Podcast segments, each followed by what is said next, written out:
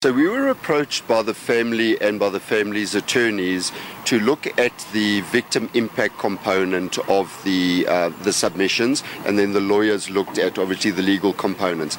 So our argument was twofold. Firstly, we thought on a legal basis he's not entitled to parole because it was a life sentence, and we believe that he should serve life, and life should be a minimum of 25 years.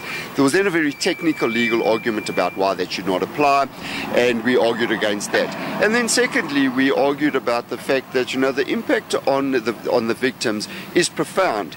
You know, we still uh, don't believe we have the full truth. We still don't believe that he has shown remorse. We still don't believe he has been rehabilitated. Now, on what basis, as a result, are you going to give parole if none of those are in place? And we have not been given anything that would suggest to us that there has been uh, the rehabilitation of Mr. Moodley, which would sort of allow for him to be reintroduced into society.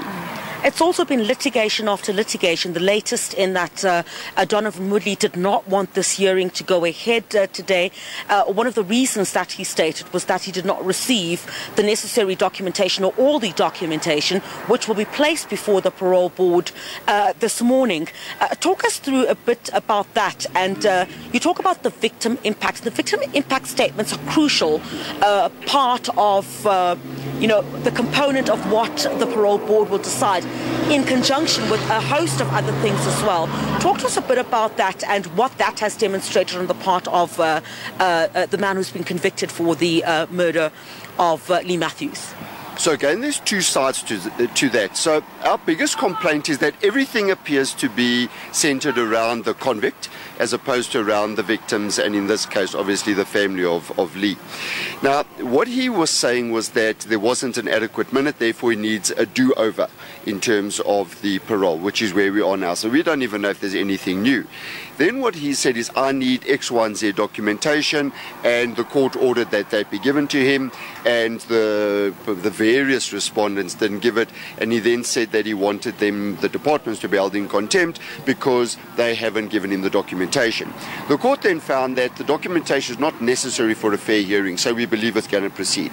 But the other side that no one's talking about is the fact that the family have also requested certain documents so that they can be satisfied that there has been truth that has been told. For the, for, in order for you to be rehabilitated, you need to be able to tell the truth. In order for you to show remorse, I mean, a central component to remorse is the truth. And we still don't believe we have the truth.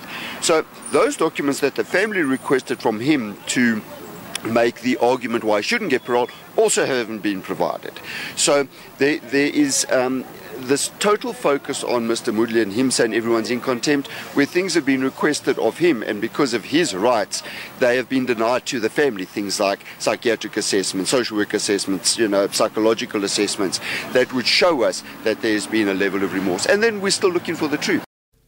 And that was head of advocacy for uh, women and uh, men against child abuse, Luke Lamprecht, and he was speaking to SABC's Criselda Lewis earlier on.